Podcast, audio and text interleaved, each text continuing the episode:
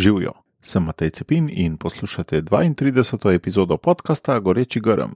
V njej z Markom Zombandoro govoriva o knjigi Ljubezen deluje, Love Does, ameriškega avtorja Boba Goffa. Gre za knjigo, ki me je navdušila takoj, ko sem jo začel brati in je močno povezana z vsebino tega podcasta. Govori namreč o tem, kako biti odprt in razpoložljiv za ljudi okrog sebe, ter v njihova življenja prinašati tiste bistvene stvari.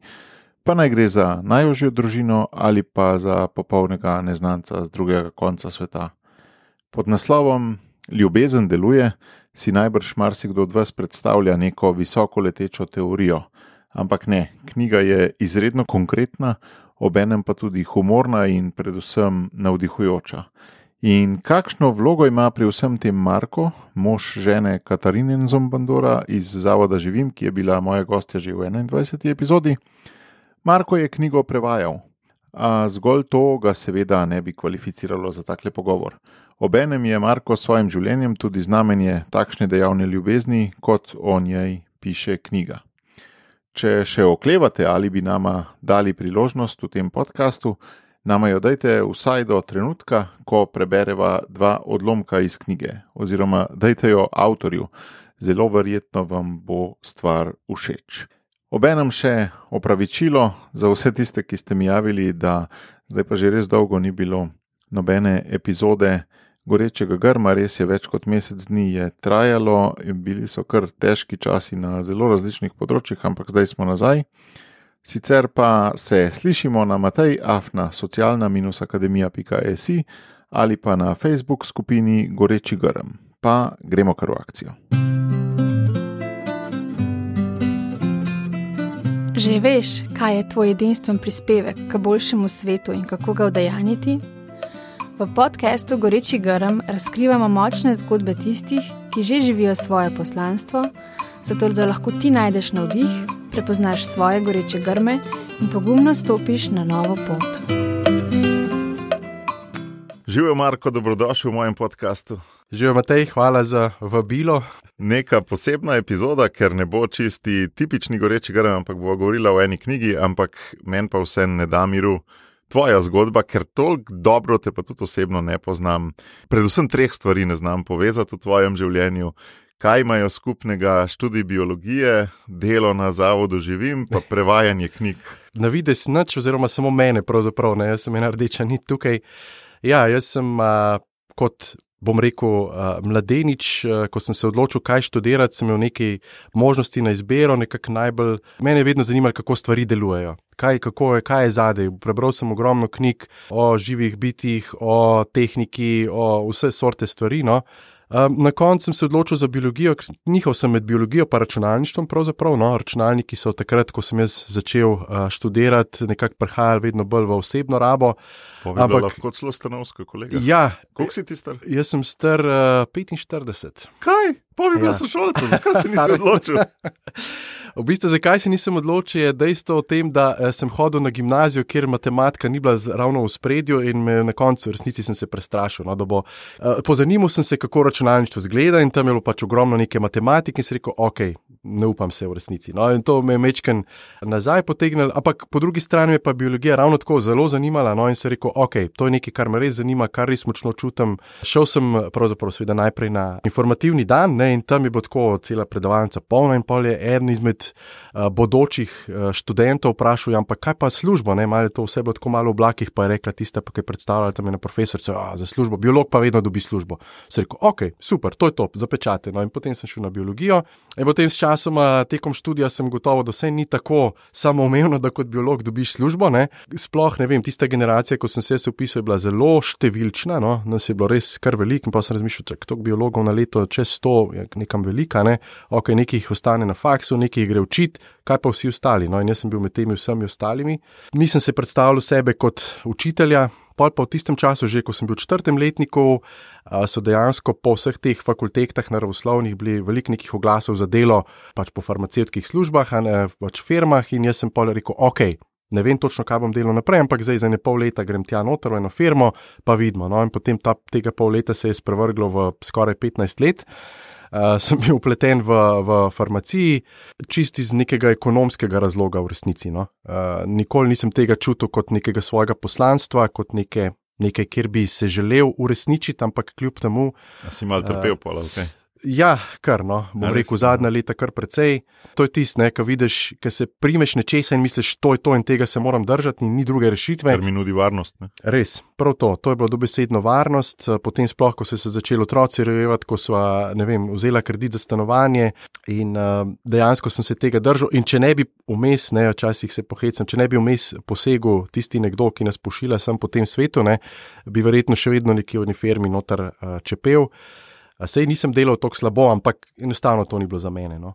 Ves ta čas, pravzaprav, no, to pa zdaj pač povezava na to naslednje poglavje, vedno mi je bilo zelo blizu, so mi bile knjige. No. Jaz sem ogromno bral, sploh v osnovni šoli sem ure in ure presedel za knjigami v knjižnicah in tako naprej, in tudi kasneje. In um, nekako se mi je zdelo, da imam nek občutek za jezik. No, meni je bilo to vedno blizu, po drugi strani očitno imam neko afiniteto do nekih podrobnosti in hitro vidim neke napake, nekaj me zmoti in tako naprej. Mogoče tudi malo. Pri biologiji moraš to že imeti, ne moreš majhne stvari opaziti. Ja, ne? po eni strani ja, res je, po drugi Sej strani. Ne delajo vsi sloni. Ne? Je res, ja, ogromno je v bistvu tega mikro in tega sveta, v bistvu vedno več, pravzaprav, ne, nekak te velike stvari smo bolj kaj ne že razkrili. Recimo, Tako je. Ja tako da sem potem, recimo, tudi ko sem bil na farmaciji zaposlen, smo tam ogromno pač pripravljali nekih materialov in tako naprej. In jaz sem vedno, res so se že sodelavci hecali, ko sem odprl nek ne vem, prospekt ali pa nek material, sem najprej videl, kje manjkajo vejce, kje so narobe črke in tako naprej. Uh, in sem, v bistvu v tej smeri, očitno sem imel neko afiniteto do tega. No? In, um, po drugi strani, angliščina mi je bila vedno blizu, tako da sem potem imel priložnost, to je bil spet nek pač višji poseg. Tukaj jaz nimam izobrazbe, kar se tiče neke prevajalske, ne, ampak sem dubo priložnost, sem eno zelo obširno knjigo prevedel. Pri založbi Dravle je išla knjiga Prepovedano žalovanje. S čimer se tudi moja žena ukvarja, ne, in uh, dejansko je bila pač ta potreba, se je pokazal, meni so to zaupali, in uh, očitno je bilo dovolj dobro. No. S tem se je nekako odprl moj uh, naslednja karijera, če lahko ja. rečem. Tisto si um, potem v ob, ob eh, službi prevajal. A, tisto sem ob službi prevajal. Ja. Oziroma, tvegal. takrat sem pravzaprav že ravno zaključil uh, v resnici v eni firmi, kjer sem delal, tako da sem v bistvu bil en mesec doma in je potem to prišlo no, na nek uh mhm, -huh, način uh mhm. -huh. kot en tak uh, božji poseg, če tako rečem. No. Sej, Hecen je to, zdaj, ko gledam nazaj, ne toliko poti sem že prehodil, da se lahko počasi malo oziram nazaj. Ne. Uh mhm. -huh. Veliko nekih korakov, ki sem jih naredil v življenju, tako poklicnih, ne, je res prišlo čist.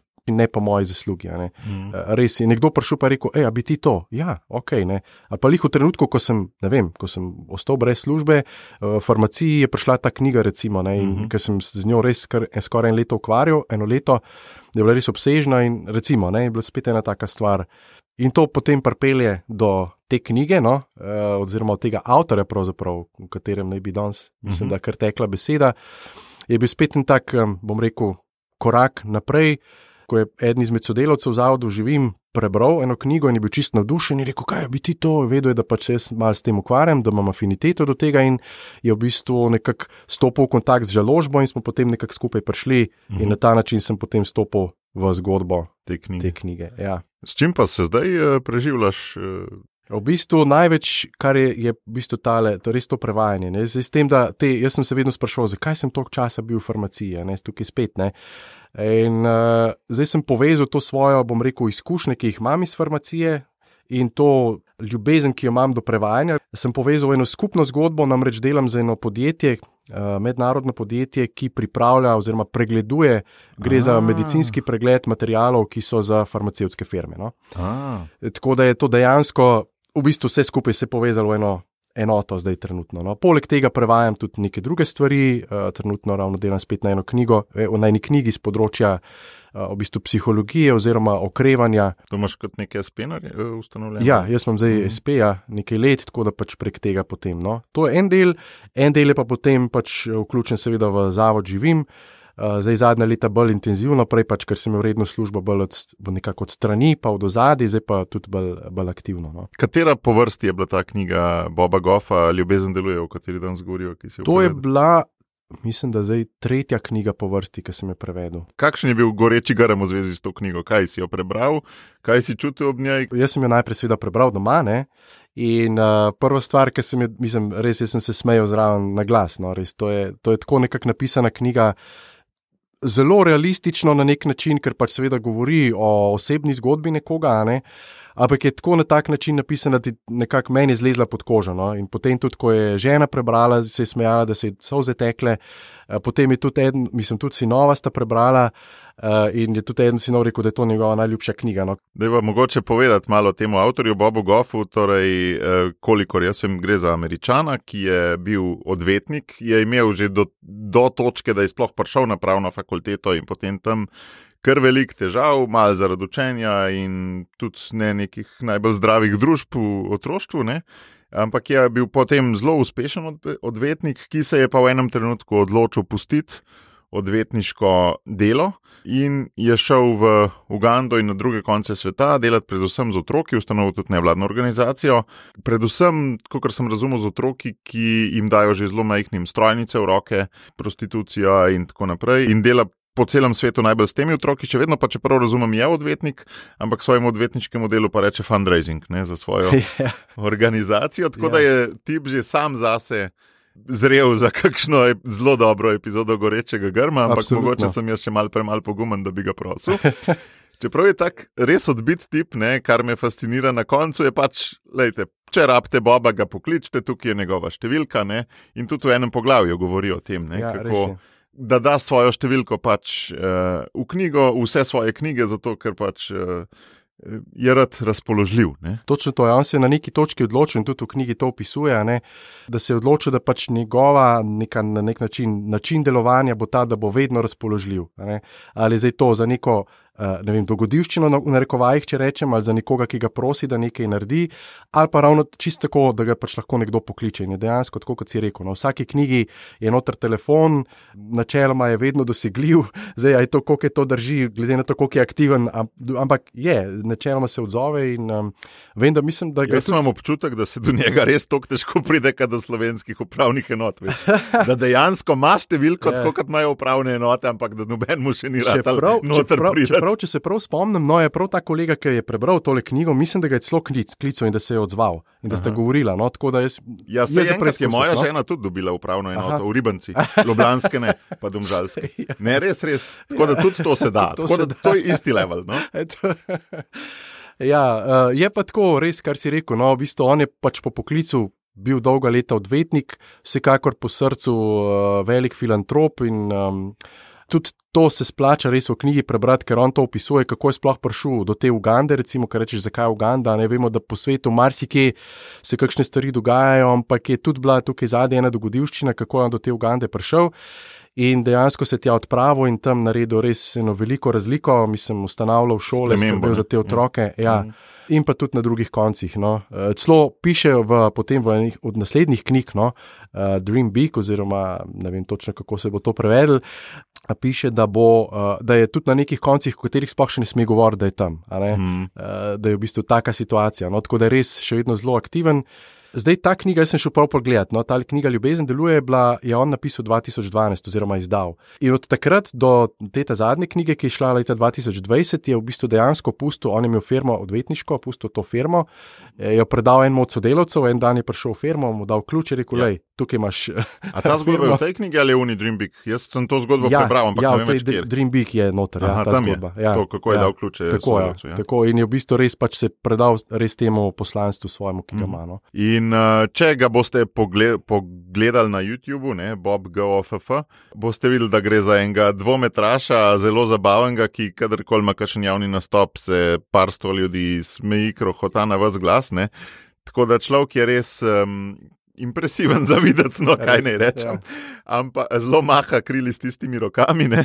Ampak um, kaj je pa meni zanimivo? Ne? Jaz sem človek mal bolj te matematično-računalniškega ustroja in mi leva hemisfera praviloma deluje veliko bolj kot desna. Ne? In tudi rad take knjige berem. Jaz zelo rad berem knjige, ki imajo veliko skic, veliko algoritmov, uh -huh. veliko nekih povezav. Ne? Ampak tale knjiga je pa narejena skozi zgodbe, nima nobene skice noter, nobenega vzrok, posledica. nič od tega, ampak me je navdušila. Ne. Je sicer razdeljena v nekaj čez 30 poglavij in vsako poglavje ima pač nek naslov in pa nek podnaslov. Včasih sem mislil, da, zdaj pa mislim, da. Ne. Se pravi, gre za neke vrste spremembo. Ne. Mm -hmm. Kako sem mislil včasih in kako sem se zdaj naučil nekaj novega. Ne. In je to, kar lahko bi bral kot nekih 30 njegovih največjih spoznanj o življenju in svetu nasplošno. Ja, res, mislim, prvo se mi zdi, pač to je mogoče njegov talent, da prek nekih takih zabavnih, na nek način zgodb, kot jih pripoveduje, ki so sicer zelo resnične, pokaže nek obrat, ki ga želi mogoče vsakemu, ne? da bi prišel do tega, da si res zauzet, pa da res živiš svoje življenje. Mislim, tukaj je nekakšna taka rdeča nita. Ne?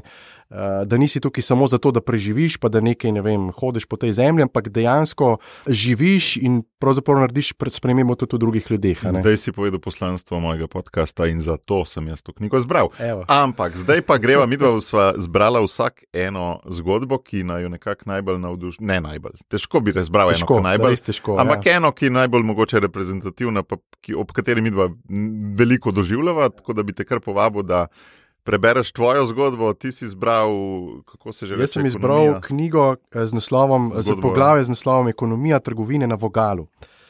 Zdaj on v tem podnaslovu pravi, da včasih sem mislil, da pravila postavlja nekdo drug, zdaj pa vem, da nekatera lahko postavimo sami.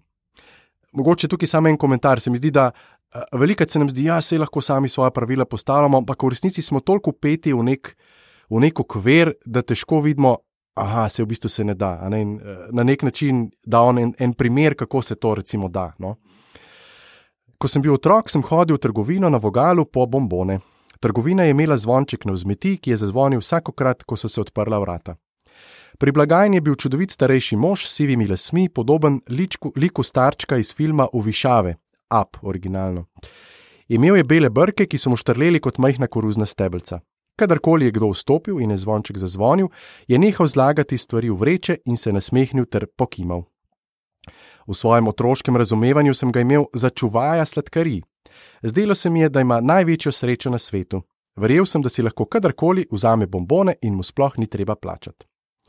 Jaz pa sem moral plačati, zato sem vsak dan, ko je moj oče prišel iz službe, pregledoval žepe njegovih hlač, da bi našel kaj drobiža. Ko se mi je zdelo, da imam dovolj, sem šel v trgovino. Zvonček je zazvonil, stari mož se je nasmehnil in pokimal, jaz pa sem hodil po lice kot kurator v kakšnem umetniškem muzeju in razmišljal, katere sladkarije si bom kupil s svojim drobižem. Kar sem izbral, sem odnesel na blagajno in na pult stresel svoj drobiž. Nikoli nisem vedel, ali imam zares dovolj, zato sem gledal starega moža v oči, da bi ugotovil, ali imam dovolj kovancev. On se je nasmehnil in s tihim, prijaznim glasom počasi štev moj zaklad. Spomnim se, da je njegov suknič vedno dišal po tobaku za pipo, ko se je naslonil na pult med kozarce in papirnate vrečke, ter prešteval moj drobiš kot kak bankir. Ko je naštel dovolj, je bombone potisnil k meni, pobral svoj delež denarja, ostanek pa mi je vrnil. Običajno sem sladkarije pojedel, še preden sem se odpravil domov. Ostal sem v družbi trgovca in ga opazoval, kako je stvari, ki so jih stranke kupile, zlagal v papirnate vrečke. Všeč mi je bilo poslušati klepetanje, ugibanje o vremenu ali pogovor o dogodkih v mestu. Tema pogovora ni bila pomembna. Bil je take vrste prostor, kjer se je bilo prijetno zadrževati. Trgovec je vse dan znova in znova poslušal malomeščanske govorice, a vsakokrat je poslušal in odgovarjal, kot da je vsak kupec povedal nekaj novega. Nekega jutra, potem ko sem nabral dovolj drobiža iz očetovih žepov, sem se sprehodil do trgovine, izbral bombone in pred trgovca stresel svoj drobiž kot gusarski plen. Kot običajno je začel svoj postopek in ločeval kovance po vrsticah. Štev je svojim prijaznim glasom in se vsake toliko ustavil, da bi mi povedal, koliko je posamezen kovanec vreden. Naročil mi je, naj štejem glasno skupaj z njim. Navadno se mi je ustavilo nekje pri 11 ali 12. On je nadaljeval v najnem imenu, ne da bi mi bilo ob tem nerodno. Nekako mu je uspelo, da je zvenelo, kot da še vedno štejeva oba. Ko je končal, sem ga pogledal, da bi preveril, če imam dovolj. Običajno mi je rahlo pokimal in se nasmehnil v znak, da je dovolj. Tega jutra pa je bila stvar drugačna. Ko je nehal šteti, je potresel z glavo in stisnil oči. To se je prvič zgodilo in predvideval sem, da nimam dovolj denarja. En peni nama manjka, je sočutno rekel. Ko si otrok, je en peni nepremagljiva ovira in lahko se počutiš zares samega, če nimaš nikogar ob sebi. A mož je rekel: Nama. In zato sem se počutil, kot da smo skupaj v tem, da je moj cilj tudi njegov. Imam idejo, je rekel trgovec, ko je minilo nekaj dolgih trenutkov. Zgrabil je enega od kovancev in izpod pulta izvlekel staro krpo in steklenico s kisom. Krpo je namočil s kisom in potresel s ščepcem soli. Točno vem, kako se počutiš. Nasmehnil se je in začel drgniti kovanec. Vem, kako je, če si nekaj zares želi, želi, želiš, pa ti ne uspe. To je bil najdaljši stavek, ki mi ga je kdaj rekel. Zares rad skrbim za to trgovino in nadaljeval, medtem ko sem opazoval kovanec, kot da je del čarovniškega trika. In res mi je všeč, da tako pogosto prihajaš k meni. Občutek sem imel, da je to nekakšen obred odraščanja. Zdaj sem bil jaz tisti, ki je klepetal s trgovcem. Pomislil sem, da bi oponašal pogovore, ki sem jih slišal in omenil vreme, a me je prehitev in rekel nekaj, kar je vse spremenilo. Ko ga je nehal drgniti, se je kovanec bakreno bleščal, kot da je bil ravno kar skovan. Spustil ga je na kup kovancev na pultu in rekel: V moji trgovini so svetleči kovanci vredni dvojno. Res? sem vprašal z novim upanjem. Ja, svetleči kovanci za en peni so vredni dva.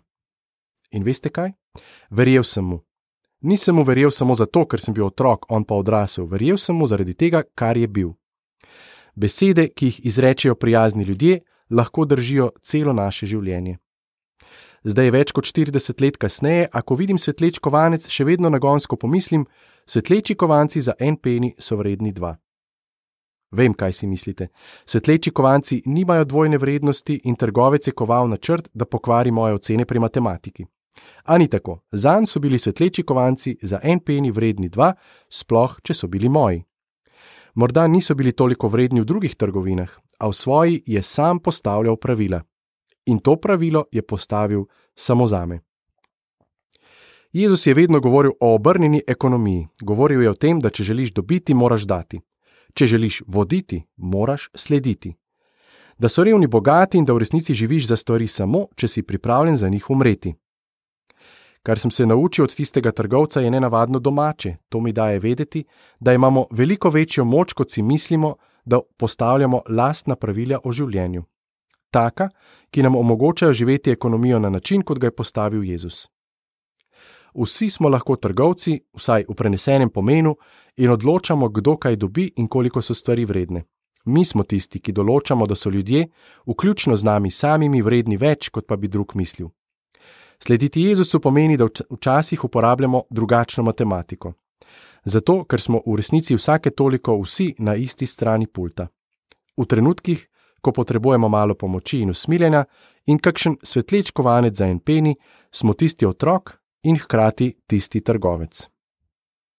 Odlično, veš, da me vsakič znova gane taka kakšna od teh zgodb res prav me, mi povzroča tako smoko grlo. No? Tako da tudi ta je bila tokrat taka. Kaj pa tebe najbolj pri tej zgodbi? Tako?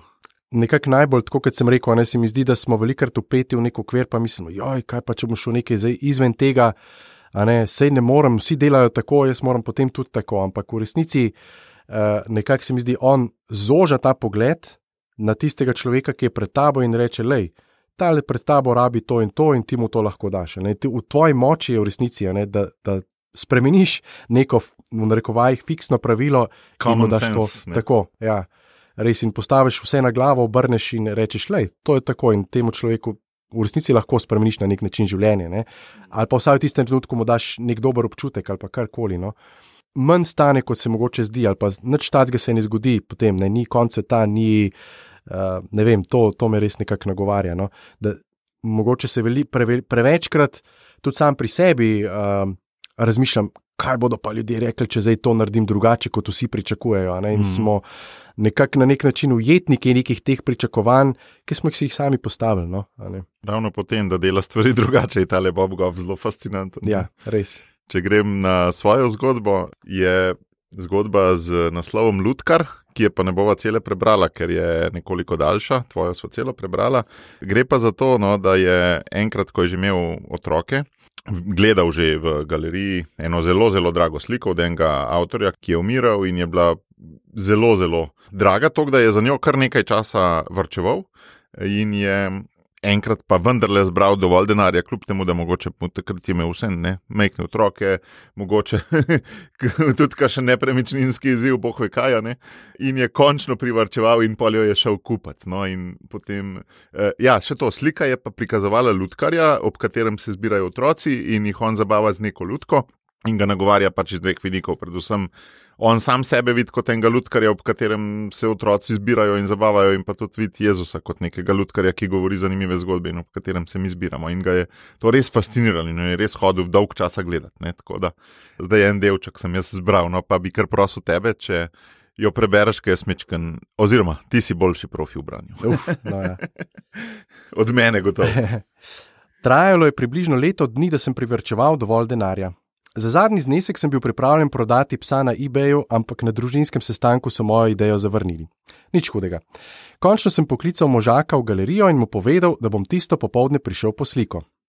Ko sem vstopil v galerijo, sta me čakali dve sliki. Dve identični sliki lutkarja. Nisem razumel. Zakaj sta dve sliki? sem vprašal tipa z močnim naglasom. Torej, je rekel, in ob tem mu je z neizmerno lahkoto uspelo zveneti ob enem vzvišeno in predkano. Tale na levi je prava, ta je muzejske kakovosti. Zelo je draga, skoraj neprecenljiva. Nočete obesiti nekam, kjer bi se lahko poškodovala, zato izvirnik shranite v sefu. Tale pa, je rekel, ko je brez posebnega spoštovanja z dlanjo plosknil po identični sliki, je ponaredek. Tole obesite na steno, da jo lahko vsi vidijo. Ponaredek dobim skupaj z izvirnikom, sem vprašal, še nikoli nisem slišal česa takega. Da, je strelil nazaj. Torej, dragi bralec, naj vas vprašam, katero izmed obeh slik bi vi obesili na steno? Jaz tudi. Obesil sem pravo in po naredek zabrisal nekam omaro. Razumem, zakaj je možak v galeriji želel, da obesim po naredek in varno skrijem izvirnik. Če bi bil izvirnik razstavljen in bi se poškodoval, bi bila to velika izguba. To je bila izvirna umetnina umetniškega mojstra, ki se mu je čas na tem svetu iztekel. Bila je redka, edinstvena in nenadomestljiva. Če pridete na obisk gofovim, pridite oboroženi, pri nas potekajo neverjetne vojne z elastikami. Ne take lahkotne osnovnošolske vojne. Mi gremo na polno in nihče ni varen. Ko otroci raztegnejo elastiko nekaj deset cm, to lahko na mestu, kjer te zadane, povzroči modrico v velikosti vrtne jagode. Vsako jutro se usedem na določen stol v hiši, točno nasproti mesta, kjer sem obesil izvirno sliko ljudkarja.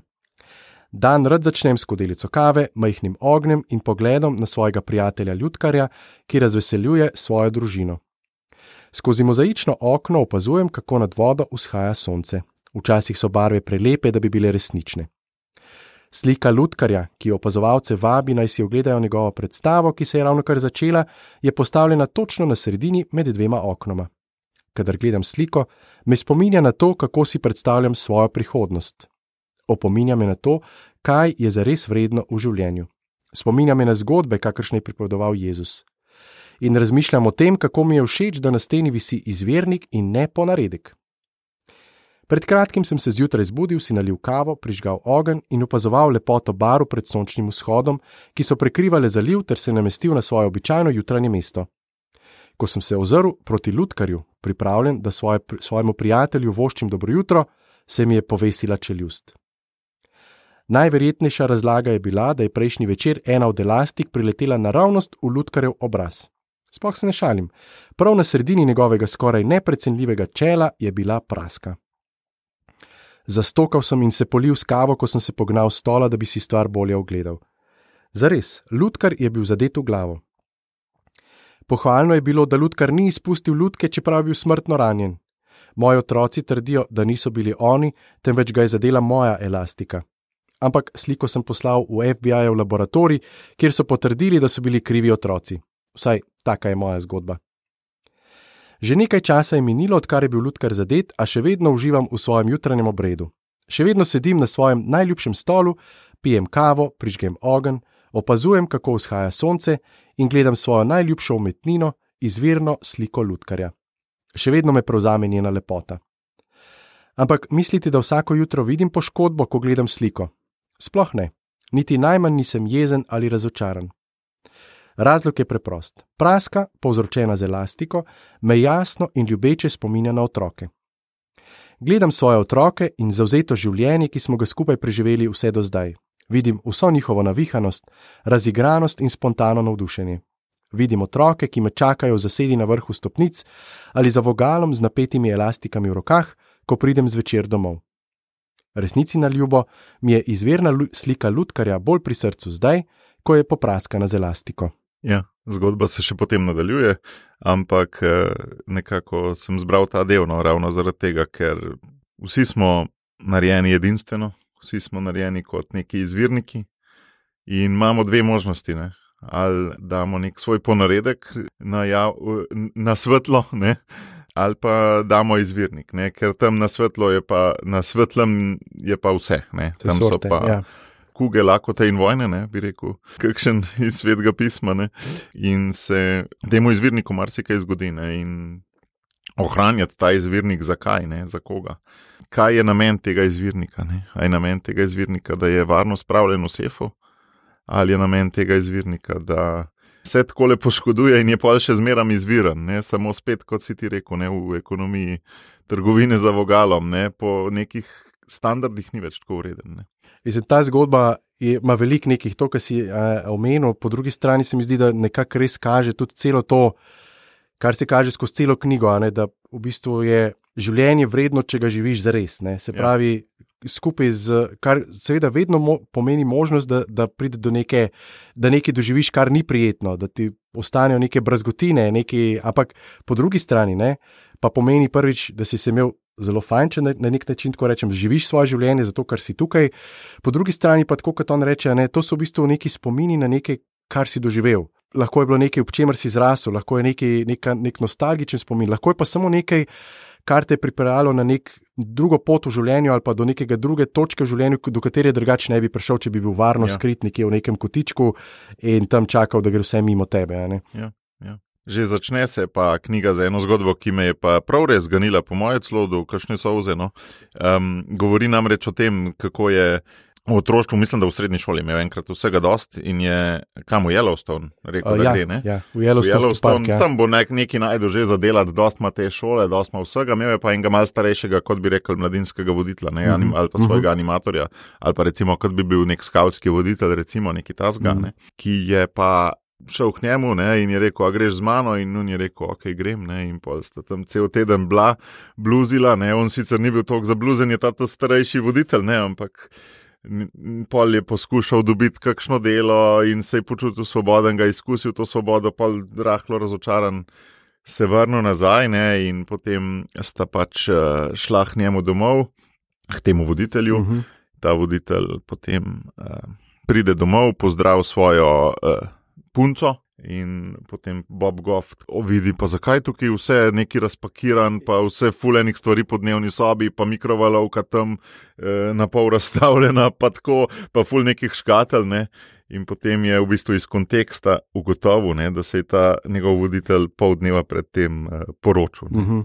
In da je, mislim, to me res gane, no, da je dejansko ja. svoj prvi teden poroke za njega daroval. Ne ta, ta je res tako prav, um, te pretrese, no, sigurno, ker do, do katere mere uh, je nekdo pripravljen, zato ker vidi, da je nekdo v stiski ali pa da ga nekdo potrebuje mm. reči, ok, lej, tukaj sem. Mm. Ker velika, jasno, vsak ima neke svoje. Obveznosti, vidiš, urnik poln, nimaš energije, nimaš to, ono tretje, ogromno nekih izgorov, ki so lahko čisto pravičeni, ne, ampak eh, do katere mere, bistu, bi rekel, to je že noro, Mislim, da greš ti naslednji dan po poroki z nekom, z, s, tem, s, tem, da jo, s tem, da je on vedel, pravzaprav nekaj sluto, kaj se bo zgodilo. Ja. Je vedel, da ne moš kar tako iti nekam, pa itek je bilo izven sezone, se pravi, ker ja. onda sta šla plezati, oni mislijo, da sem delal v neki trgovini za spezalno ja. opremo, bom zaslužil, ampak v resnici ni bilo ljudi, ni bilo dela. In on bi lahko rekel, je to čist ne, čista neumnost, neumnost ja. brez veze boš zapravo, ampak ni. Ne? Eh, in ga je na nek način tudi zaznamovalo Boba za celo življenje, v resnici, ne? tudi v njegovem pristopu do vseh stvari. Tukaj se v bistvu ni ga uvedel tako eh, eksplicitno, ampak koncept razpoložljivosti ja. se tukaj uvede. Ja, to, kar smo prej ja, govorili, s prvim poglavjem. Mm -hmm. Biti razpoložljiv. Ne? In najbrž je to, da je telefonska v njegovi knjigi posledica te, te, ja. tega prvega poglavja. Ne? Ta koncept dejavne ljubezni, ki ni zares koncept, no, ampak razmišljal sem prav za pripravo te epizode, kaj je ljubezen, pa kaj mi dojemamo kot ljubezen. Če pomislim v osnovni šoli, ko še nisem bil v puberteti, recimo, ne, sem ljubezen doživljal predvsem kot besedo prek neke poezije. Recimo, ne? Spomnim se, pač, ne vem, ne? ljubezen so izražali različni pesniki in tako naprej. Ne? Ljubezen kot neke visoke besede. Potem pa seveda s časom, ne, sem pa doživljal zelo veliko banalizacijo ljubezni, ne, v smislu ljubezen kot spolnost, ljubezen kot nekaj, kar želiš zase, ljubezen kot skoraj mal biti na uslugo ali kakorkoli. Ja, ali pa mogoče neki ideal, ki ga boš našel in bo tvoj in ga lahko vzameš ja. zase na nek način. Ne, no in ta, ta dejavna ljubezen kako bi rekel, ni pa, ne banal, ni pa ne banalizirana na eni strani, ne te visoke besede, ki so pač sam besede, ker so tako visoke. Uh mhm. -huh. Kot mogoče tudi včasih svetopismo dojemamo tako, uh -huh. ne, mhm. kot neke visoke besede, ki z realnostjo, vem, sej večina tistih, ki ga redno berejo, ne, ne ampak uh mhm. -huh. ne, kot neke visoke besede, ki z realnostjo nimajo toliko ja. veze. Zdaj, to je super primerjava, se mi zdi, pač pa mogoče tisti, ki več berejo svetopismo, poznajo zgodbe, a ne se Jezus je prišel, pa je zelo praktično pokazal. Ne, ampak veliko tudi sam pri sebi, ja, ok, sem si mislil, mogoče tudi, ko sem odraščal, ne, ja, ampak dobro, to je bilo takrat, pa to je bil Jezus, ne, pa zdaj mislim, kako zdaj to v življenju vsak dan ne moreš glih, ne, eh, tam enega na cesti pobrati ali pa karkoli pa že, ne. In potem prebereš tako knjigo in veš, on je pač točno to naredil, ne. Tam je nekoga srečo, lej, uh, ne vem, ta zelo rab to pomoč. In je šel in rekel, ok, vse je zastavil za to in je šel, ne vem, ena zgodba me prav odzvanja zdaj recimo v tej njegovi to, kar me v bistvu nasplošno nekako nagovarja skozi celo knjigo, no, je ta res en. Um, Kako bi rekel, ta dejavna ljubezen. Se pravi, ni zdaj tukaj, ok, zdaj moramo se usedeti pa narediti načrt, pa bo zdaj dve leti bomo načrtovali, da bomo mi zdaj nekaj naredili. Ne, ne, zdaj je treba pomoč, ne, zdaj je treba ne vem, nekaj storiti. Ne, ne vem, omenil si to zgodbo, ko sta ko so otroci pisali svetovnim voditeljem ne, in so se te res nekateri odzvali. Predodajo, ne so se. Ja, predodajo se. No, skratka, če čisto na kratko samo rišem, pač to je bilo v času, ko so njegovi otroci odraščali, ko je bil ta uh, napad na dvojčke v Ameriki, ta teroristični napad. Ne, in on je pač s svojimi otroki o tem debatiral in jih je sprašal, kaj bi naredili. In so rekli, da je pisati vsem voditeljem in jim reči, da se pogovarjajo, nekaj v tem smislu. Ne? In pa so res poslali vsem, ne vem, 200 voditeljem držav, princem in tako naprej, da bi pač oni prišli se z njimi pogovarjali, nekateri so jih dejansko povabili. Ne? In, pa, in v bistvu v ta namen, on bi lahko rekel, ok, sej super ideja, pa da je to, ampak dejansko ste že eno, ok, lej, nekih 30 ljudi se je odzvalo. So uh, šli iz šole, so se izpisali vem, za dva meseca, nekaj časa, ne piše točno, ampak ne, da so pač potovali. In ne samo to, oni so rekli, ok, zdaj imamo denarja, pač prodali so avto, da so imeli denar, da so lahko si plačali in so šli. Ne, v tem smislu, a ne niso zdaj, ok, idemo zdaj zbirati denar, pa bomo zdaj ne vem koliko let zbirali denar, zato da bomo mi nekam šli. Ne, ne, ne, takoj, zdaj le, tukaj je ta priložnost ne, in, in greš takoj v, v akcijo, če tako rečemo. Sam kako, moraš pa tudi nekako zdravo pamet vse malo vključiti, ne, da ne narediš preveč neumnosti. To mi, še, to mi iz te knjige ni čisto jasno, kje je meja tega. Ne. Ja, on veliko menja v resnici, da je njegovo, mislim, Sidro na nek način je v bistvu nek način njegova žena in neka protivtež, če on vse tak leteč in skakajoč in uh, na vse strani, je v bistvu ona nekakšna ta oseba, ki pač on večkrat reče, da mu pač omogoča te njegove, bom rekel, poti, izlete in tako naprej, ker je pač neko sidro tudi doma. Mm. Mm. Um, ja, in. Um, sweet Marija. Ja, sweet, ljubka Marija. Ljub, ja, lej, to pa moram povedati. Jaz pač berem audio knjige iz več razlogov. Ne? Eno je, da malo teži že berem počasne, drugi je pa ta, da pač pravijo v knjigah takoj dobiš. Ne? Tako ja, da jaz ja. nisem toliko zelo tvojega dela. Um, Mojih izrazov posvojil. Tvojih ne? izrazov posvojil, ker to pa, ki Bob Goff sam ja. prebere audio knjigo in tudi ostale, kar jih berem audio uh mhm. -huh. knjige, ki jih avtori sami preberejo, to je še za me še ena dodana vrednost sigurno. kot auditivc. Ja, ja. Ampak ja, sem jo pa absolutno uh, ženi kupil uh, v, mar, v marcu. Eh, letošnjega leta in celo lahko povem, da ni, nimam nič od tega. Na Mohorjevi je celo zdaj nek ogromen popust za to knjigo. Možno, 40% ja. ali nekaj mhm. tasga, tako da se dobi za manj kot 15 evrov. Mislim, da in vam res toplo priporočam. Ja. Možnost je ali na Audible ali pa na Mohorjevi slovensko kupiti za manj kot 15 evrov. Je bilo v marcu, zdaj ne vem več.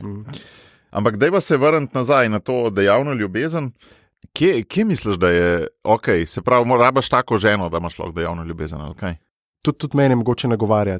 Ko začutiš, da je neki tvoj goreči grm, če se vrnem recimo, ja. na to besedo, ne, uh, rečeš ok, Ne? In to je v bistvu prvi korak. Ne? Rečeš, ok, to je, to je že prvi pogoj.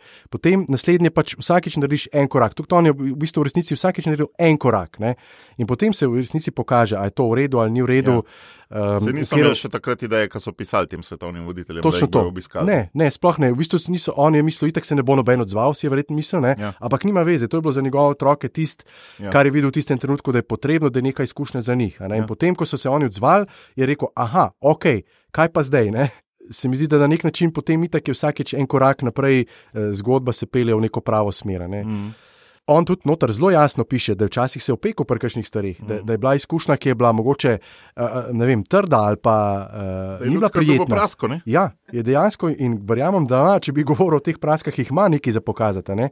In tudi o tem govori, da ja, bodo praske, bodo težave, bodo vem, ljudje, ki ti bodo prišli na pot, ki ti ne bodo samo pomagali, ampak ravno obratno. Tako da vse to ni, da bi se zdaj on pred tem skril, pa je vse idealno, zdaj greš in pol, ker je vse super. Ne? Ampak ja, ja. Uh, moraš veliko vložiti. Na pa na eh, humor obrniti. To, to pa je ključno, se mi zdi, da predvsem skupaj ohranja to noto neke vedrine, uh, veselja, energije. Na koncu koncu se mi zdi tudi, potem uh, ljudje ti pridejo taki napotki, s katerimi lahko to nek svoj uh, pač ta cilj uresničiš. Mogoče o tem še več govori v tej drugi knjigi, ne, Dream Big, ne, kako in kaj na ta način. Ampak res, ljudje pridejo ti potem na pot, ki ti potem pomagajo pri tem, lahko svetujejo, lahko vem, pomagajo sploh uresničiti in tako. No. Ti, to, kar si rekel, ohranjati vedrino, ne, je lahko en dober recept v resnici, za, da se ti nadaljni koraki gorečega grma pa še naprej uresničujejo. Ne. Kaj ti misliš iz, tvojega, iz tvoje osebne prakse, koliko je ohranjanje vedrine pravzaprav v naši domeni, oziroma v tvoji. Kako ti lahko kontroliraš, koliko te pa svet zamori, tebe osebno? to, je, to je zdaj tako zelo, uh, na nek način osebno vprašanje. Ja. Zato, ker eh, jaz, jaz tako vidim, ne, recimo, ne vem. Večkrat se ne hecam, ampak mogoče na pol hecam, recimo, ko se z žena pogovarjava. Ne, v življenju pač doživi vsak neke svoje uh, preizkušnje, do, doživi neke dogodke, ki ga pač na nek način preizkušajo, no, zamajajo, ne vem, kakorkoli. In jaz veliko rečem, ne, uh, uh, se Jezus obljublja, jaz bom vedno tam, vedno sem tam. Rečem, ja, se je. In na koncu, ko gledaš nazaj, vidiš, da je ne. Ampak on te potisne ne samo do roba, ampak včasih čez rob, zato da rečeš, ok, zdaj pa spustim. In pol te ujame, in rečeš, ah, ok. Ne? In te v bistvu s tem potrjuje, s tem ti da nek upanje, veselje in, in zagon do naslednje preizkušnje. Mm. Ker je pa zelo težko v resnici nekaj delati, to je moja izkušnja. Meni je težko delati nekaj na zalogo. -hmm. Ogromno pozitivnih izkušenj imamo v življenju, lahko rečem čudežev na nek način, ampak ko pride spet tisti trenutek, ko moraš reči, ok, je, mislim, je spet znova težko. Tako težko, da, da moraš spet. Jasno, tukaj so pa vsi pripomočki, ki jih imamo na nek način na razpolago. Od tega, da se držimo, uh, da beremo take knjige, kot je ta, ki te res lahko navdihne, pa rečeš, ok, lej, če ne bo to uspel, bo pa meni mogoče v veliko manjši meri pa tudi nekaj drugega. Uh, do tega, da recimo, kolikor toliko redno bereš uh, pač Božjo besedo, da imaš ljudi okrog sebe, ki te spodbujajo, ki jim lahko zaupaš do tega, da greš pač enostavno včasih samo v crkvu in rečeš, le Jezus, jaz se to ne grem več, ker je pač to preveč in, in potem se nekaj zgodi, ali pa tudi ne. Na ta način, no, jaz to doživljam nekako. No. Mhm. Ja. Se kdaj zavestno zalotiš, da rečeš, ok, vedrino vklopiti? Ja. Ja, mogoče je ena taka čisto konkretna izkušnja. Recimo, jaz uh, nisem zelo, bom rekel, organizatorski tip človeka. Ne? In uh, zdaj, ko sem dolg časa, sem, jaz po eni strani veliko časa v življenju namenil tudi glasbi. In ena moja velika želja je bila, da bi enkrat te svoje pesmi, ki sem jih skozi leta ustvaril, spravil na neko, eh, nek CD, če tako rečem, neko obliko, trdno, in sem potem se predlani res tega lotil.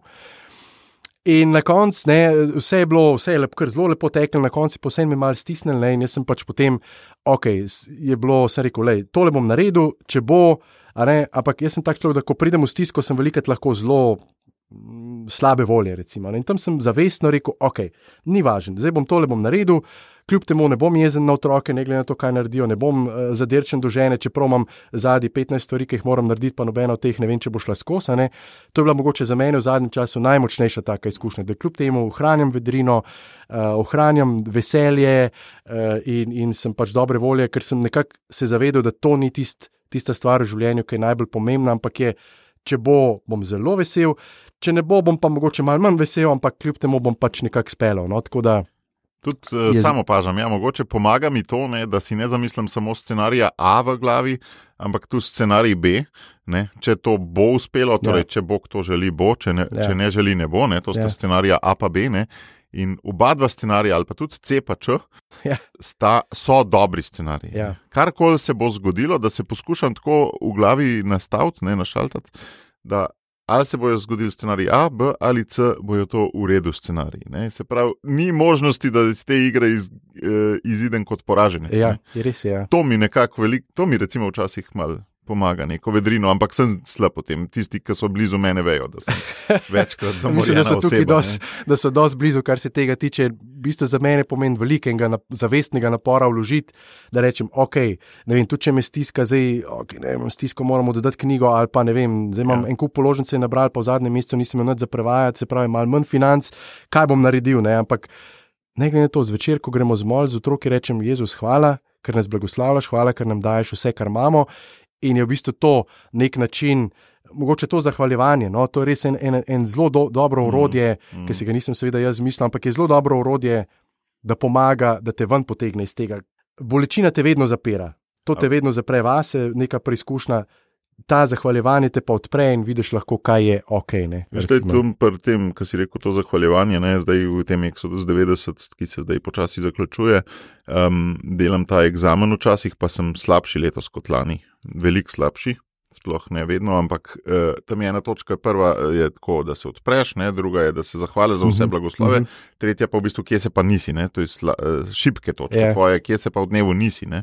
uh, odprl za božjo voljo, ali pa recimo, kje si imel grehe ali Mhm. kakorkoli. ne. In ta druga, ta zahvaljevanje me ponavadi tako noter potegne bolj kot tretja. ne. Mhm. Vem, da je cilj tretja, ne? ampak to zahvaljevanje mi da toliko več. Ne? Očitno nisem še na tej ravni, a veš, da bi sploh do tretje prelezel kakovostno, ker se premalo zahvaljujem. Ne? Tako da je. Vprašanje je, zahvaljevanje tretja. je- No, ne vem, tukaj okay, je stvar debate. Ne, no, ampak- Examen ima Ja. tretjo, ker Ne, ne, vem. point examena je, da se ti v večji meri sebe naštelaš na božjo voljo. Ne? Se pravi, z tega vidika, ne, da svoje luknje spucaš, ne, da, da lahko deluje. Ne. A misliš, da ni? Da je, ampak uh, a veš, uh, jaz izhajam iz tega, da v bistvu nikoli ne bomo čist do konca prišli, ne? kar pomeni, da ta tretja točka nikoli ne boš čist popravil. Ne? Kar pomeni, zdaj, kaj je zdaj bolj, a je zdaj bolj ključno to, da ti najdeš, recimo, rečeš, ok, sicer sem ga polomil, ampak to pa to pa to in te to naprej potegne, ali v bistvu. Ja, seveda, da moraš pogledati stvari, ki ti ne grejo, in se potruditi izboljšati, ampak ne, tukaj smo, smo mm. na Mhm. tem svetu, smo nepopolni in vedno bomo nepopolni. Ne? Ja. In uh, ja, mislim, oboje ima svoje mesto, gotovo. No? To je v Dream Big je eno poglavje, you are broken. Ne. Ja. Ti si razbit, ampak še vedno te lahko Bog uporabi Točno za to. stvari. Ja, točno to. No. Um, da zdaj delava reklamo za naslednjo. Ki je pa Marko še ni prevedel, ampak je samo na Audi bilo zaenkrat. Uh, v In bistvu, ja, pre, prevedena je, ampak uh, no, zdaj, ki si me jih izval, no, v bistvu je Aha, prevedena. Torej, v resnici- pišite na Marko, NZ, Afna je hudo. Najbolj kar na Celskem ohorju. Uh, namreč uh, ravno prej sem z urednico govoril, no, uh, je rekla, da bo letos jeseni, ker namreč naslednja knjiga, ki je tudi Ljubezen deluje za otroke. Je še ena knjiga, ki sem jo ravno tako prevedel, no, bo pa je- letos jeseni v njihovi redni zbirki novembra izšla. Uh, zdaj, ki smo jih pri tem, no, malo EPP-je no, na nek način. Ampak je, je mogoče so podobne zgodbe, ampak mečken bolj preprosto napisane, recimo za, za nižjo starost, recimo tako razumljivo. No? Iz tega stališča pa malo so slike, noter, ki si prej omenil, v tej knjigi ni slika, uh, je njegova hčerka Lindsay pač narisala slike in tudi ta Dream Big je že prevedena in pa tudi jeseni zide, no? tako da je nekje pozno jeseni. Ja. No, ampak eh, zdaj smo ravno o tej vedrini govorili zato, ker tipu uspeva to vedrino ohranjati vse čas in naj jo zanima. Ne? Ti si prej rekel, da si se veliko življenja sprašval, kako deluje. Ne? Kako ja. deluje vedrina, ne? a se da to pohekati ali ne, ne. Zadnje vprašanje, oziroma zadnji sklop eh, stvari, ki me pa zanima, je pa eh, seveda podoba um, cerkve in nas, eh, kristjanov, ko smo pa pač kristjana, pri oznanjevanju. Meni se zdi ta knjiga fascinantna po tem, da je oznanjevalna. Ampak da ima Jezusa noter, po mojem, manj kot 5%. Ne? Pa ne, da se sramujem Jezusa, ampak enostavno ne znam v svojem življenju najti formule, da bi o Jezusu zelo veliko govoril, mm. -hmm. ampak želim govoriti mogoče malo. Ne vem, no. ne znam čist najti formule, kako bi jaz kar prišel in govoril o Jezusu tako celemu svetu, ne veliko uh Mhm. -huh. se gibljem tudi med nekristijani. Ne? Uh -huh. um, Ja, tako kot vsi, ne Ja, živimo v svetu. seveda, ja. Da, ja. no, in me to, uh, me to fascinira, ne? kako prav prek te dejavne ljubezni oznanja, ne da bi ga bilo več kot 5%. Ne? Se mi zdi, da je on nekako povzel, ena stvar je ta, da, um, da je povzel ta nač, Jezusov način prilik na nek način. Ne, če tako rečem. On je pač prek tega svojega življenja, uh, aktivnosti, a ne, ki pa je, kljub temu, da si rekel, ne, da Jezusa ni toliko veliko noter, čutiš, da je to prepleteno, da to ni zdaj samo nek aktivizem, kjer bi pač on se nekako izpolnil v tej neki akciji, pa dobrodelnosti, ampak je dejansko vidi človeka, dejansko je to neka ljubezen, ki je pač dana v prakso. Ne, in prek tega pride potem nekako do ljudi. Verjamem, da velikrat prek teh svojih aktivnosti pride tudi do besed in do pogovora, zakaj tako delaš, zakaj pa bi, kjer je pa potem možnost spregovoriti. Iz kje izhajam, kaj me navdihuje, eh, kdo je tista oseba, ki me navdihuje in zakaj potem tako delam. No, in jaz mislim, da tudi v našem življenju je zelo podoben. No, eh, mogoče, mogoče modrost je prav v tem, bi rekel, no, da presoditi, kdaj so potrebne besede, ker so potrebne tudi besede, kdaj pa so najprej potrebne dejanja, pa potem besede, recimo, ali pa sploh besede, sploh ne. Recimo, no. Ampak zakaj govorimo o podobi kristjana in Ja, cerkve? Ja, ja. Zato, ker če gledava cerkev danes, ne, se pravi, ko ti vstopiš v župnijski urad, ali pa ko ti vstopiš v cerkev, ali pa ko ti vstopiš v neke dejavnosti, ki jih cerkev organizira. Večinoma, seveda, to niso misijonske dejavnosti, uh Mhm. -huh. ampak so dejavnosti namenjene notranjim. Ne? Uh -huh. V resnici je razmerje, rečem, med, dobro, pustimo karitas, pa to jaz uh -huh. to zelo cenim. Ne? Mhm. Recimo, da izvzameva karitas, ne? neka povprečna župija, min, župnija minus karitas. Ne?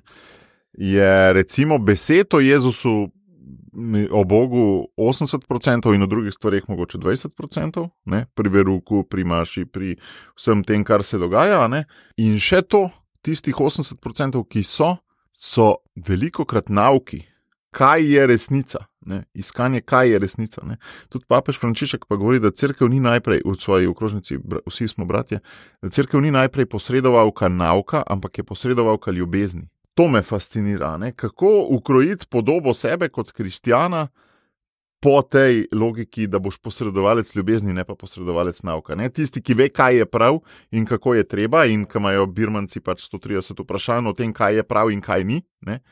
Kaj, če, če že greva pogledati neko formacijo za Birmo, moraš znati 130 vprašanj o tem, kaj je prav, niti pa treba v večini primerov skoraj nič v bistvu se naučiti ljubiti. To se mi zdi ključno, kar si rekel. Naučiti se ljubiti. Jaz mislim, da tudi skozi to knjigo se kaže, če hočeš biti dejaven, pričevalec za ljubezen, jo moraš izkusiti. Tukaj je izkušnja, je po mojem, ključno. Zdaj, a to pomeni, da v cerkvi ne izkušamo dovolj ljubezni, da bi bili taki aktivni, dejavni, ljubeči kristijani? Ne vem. Ne? To je mogoče tudi en del tega. Ne? Ampak. No, em, jaz sem jo in tudi podcast ja. želi govoriti o tem, Ja. da smo vedno bili plek neke ljubezni poklicani in naš, naš eh, odziv je pa samo odziv na to ljubezen. Ne? Zato si dob zelo dobro prej izpostavil. Ne? Ta prva zgodba, po mojem, ni na ključno tukaj postavljena. Ne? Ja. Ker on je dejansko bil oblikovan preko teh ljudi. On tudi reče večkrat, noter, da so ga ljudje oblikovali, ki so ga njega imeli radi, takega kot je bil. Ne? Bil je vs, ž- če še zdaj energičen, kakšen je mogel biti kot otrok, je mogel biti bombica. Ne? Se pravi, bi lahko nekomu šel na živce, pa verjetno komu tudi šel na živce. Ne? Ampak ljudje, tisti, ki so ga pa pač videli in so ga imeli radi, in to ga je oblikovalo. In tu, iz te ljubezni potem on lahko črpa naprej in daje naprej ljubezen. In tukaj se mi zdi, je eh, mogoče ključ do tega. Praktična ljubezen, če tako rečem, ampak nočem zveneti aktivistično, ampak je res to, kar imaš noter, če doživiš to močno ljubezen. Se mi zdi, da je vseh, vseh ljudeh, ki dajo ljubezen, mora biti nek ta močen, močna izkušnja neke ljubezni, uh, da jo lahko potem daš naprej. ne. In Zelo dobro mi vstaja, z- večino sem pozabil, ampak prebral sem to knjigo Prenovitev. Recimo, ne.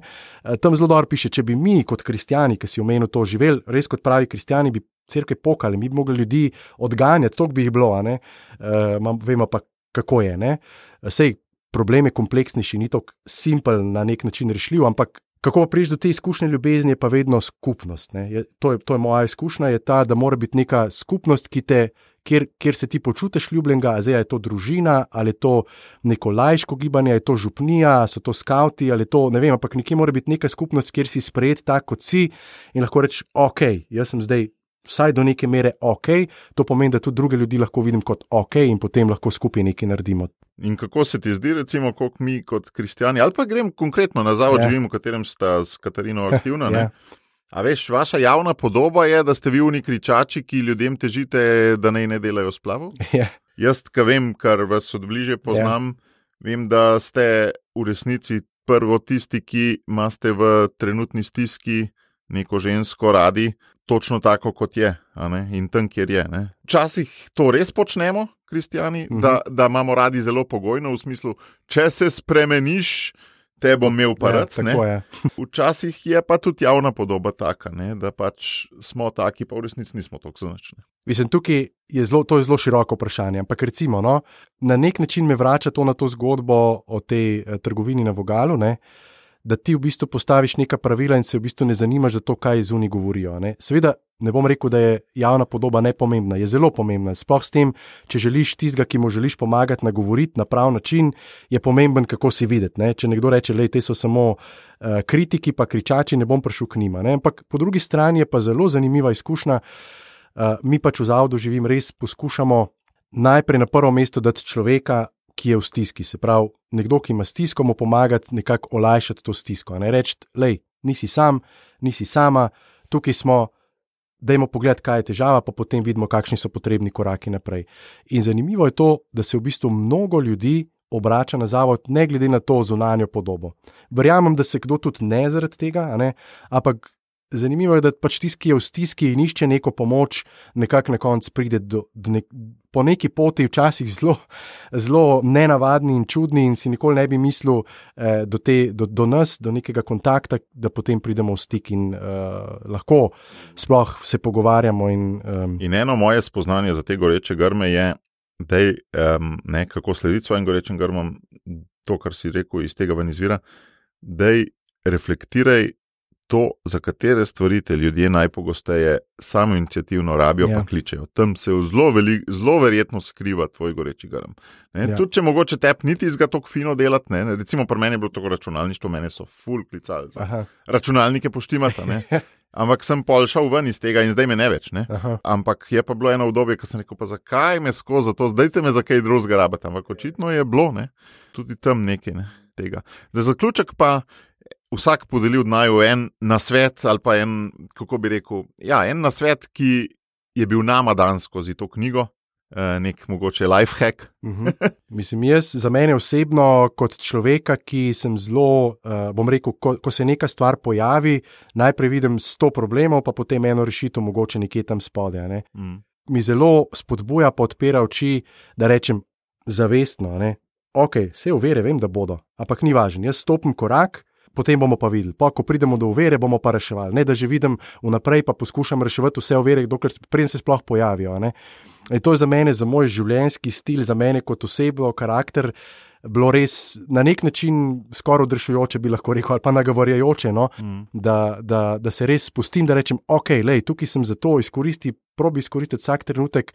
Bog ti je dal neke talente, ki jih imaš, ne kar tako, ne, Mhm. zato da jih izkoristiš, ampak ne samo za sebe, ampak zato da greš ven, da daš drugim, da nekako pomagaš tudi s tem, da jim Mhm. približaš na koncu ljubezen, Boga, veselje, življenje. A ne, ko se neki pojavi, nek poziv, nek, na koncu tudi to, da si me povabil v to oddajo, recimo, sem najprej pomislil, o ne. A ne, in sem imel tak, tak, tak, tak zakaj ne? Ne, Sem rekel, ok, lej, mogoče očitno Bog nekaj hoče s tem sporočiti preko te knjige, preko tvoje oddaje. Rečem, ok, in, in je gotovo tudi posledica te, te knjige ali pa uh, nekega tega nagovora. No? Ja, uh, meni pa dobro, govoril sem že o tej razpoložljivosti. Jaz imam velikrat načrte in načrti ubijajo razpoložljivost, kot tu ne dva, ki sta šla mimo Ungaranjenca, veš, Ja. pri usmiljenem Samarijanu, ne, prvi pa drugi sta šla mimo. In jaz sem veliko krat tak, ne, me pa uči ravno to tretjo vlogo usmiljenega Samarijana prevzeti in se ustaviti in ne kalkulirati na svoje Mhm. mm. načrte. Uh, čist tak life hack je pa, ki reče palms up, ne, dlanina vzgor ali kako, že, kako to preve. Uh, Zanijo zgor, ja. Ja, ja. Se pravi, ena taka drža, ki je on rekel, da se je naučil pri usodnih procesih, ne, ko so zaslišanja, ne, da mora dati klient njegov dlanina vzgor, ker to dela odprtost. Ne, in tako dobro reče, sej tudi Jezus je imel dlanina vzgor, čist do konca, ne, Ja. na, do križa. Ne. Do križa, ja. In je res, eh, sem preizkusil parkrat zdaj v zadnjem, recimo, mestu dveh, treh. To držo, sej itak od molitve to poznaš, ampak čisto mm. Mhm. v pogovoru, recimo, mm Mhm. -hmm. ko si na nekem težkem pogovoru, ne, sem preizkusil in, in deluje. Ne. Ja, torej, da imaš dlani ne v pesti ali pa na vzdolj na kolenih, ampak na kolenih pa na vzgor obrnjene, kot, uh Mhm. -huh. kot en tak life hack, ki, ki drobne stvari spremenja. No. Ej, hvala, Marko, za uh, to oddajo. Meni se že zdaj mal svita, to, kar si prej rekel, da je gospod to porabil. Tisti, ki so do konca poslušali, najbrž tudi tako mislijo. Ne? Ja. Tisti, ki niso, jih ni več zraven. Ja. Eh, Na tej točki hvala za, za to, da ja, gradiva ta odnos, da naj bi ta knjiga tudi na tak način povezala, in se veselim eh, še tvojih nadaljnih prevodov. Ja, res hvala. Jaz moram reči, da tudi res, eh, tako kot si rekel, se nisem prej poznala, ampak me zelo bogati ta tvoj, eh, bom rekel, miselni tok, ki je čist drugačen od mojega in mi da marsikaj misliti. No, tako da hvala za to, da sem kakšne stvari še dodatno domislil. Hvala.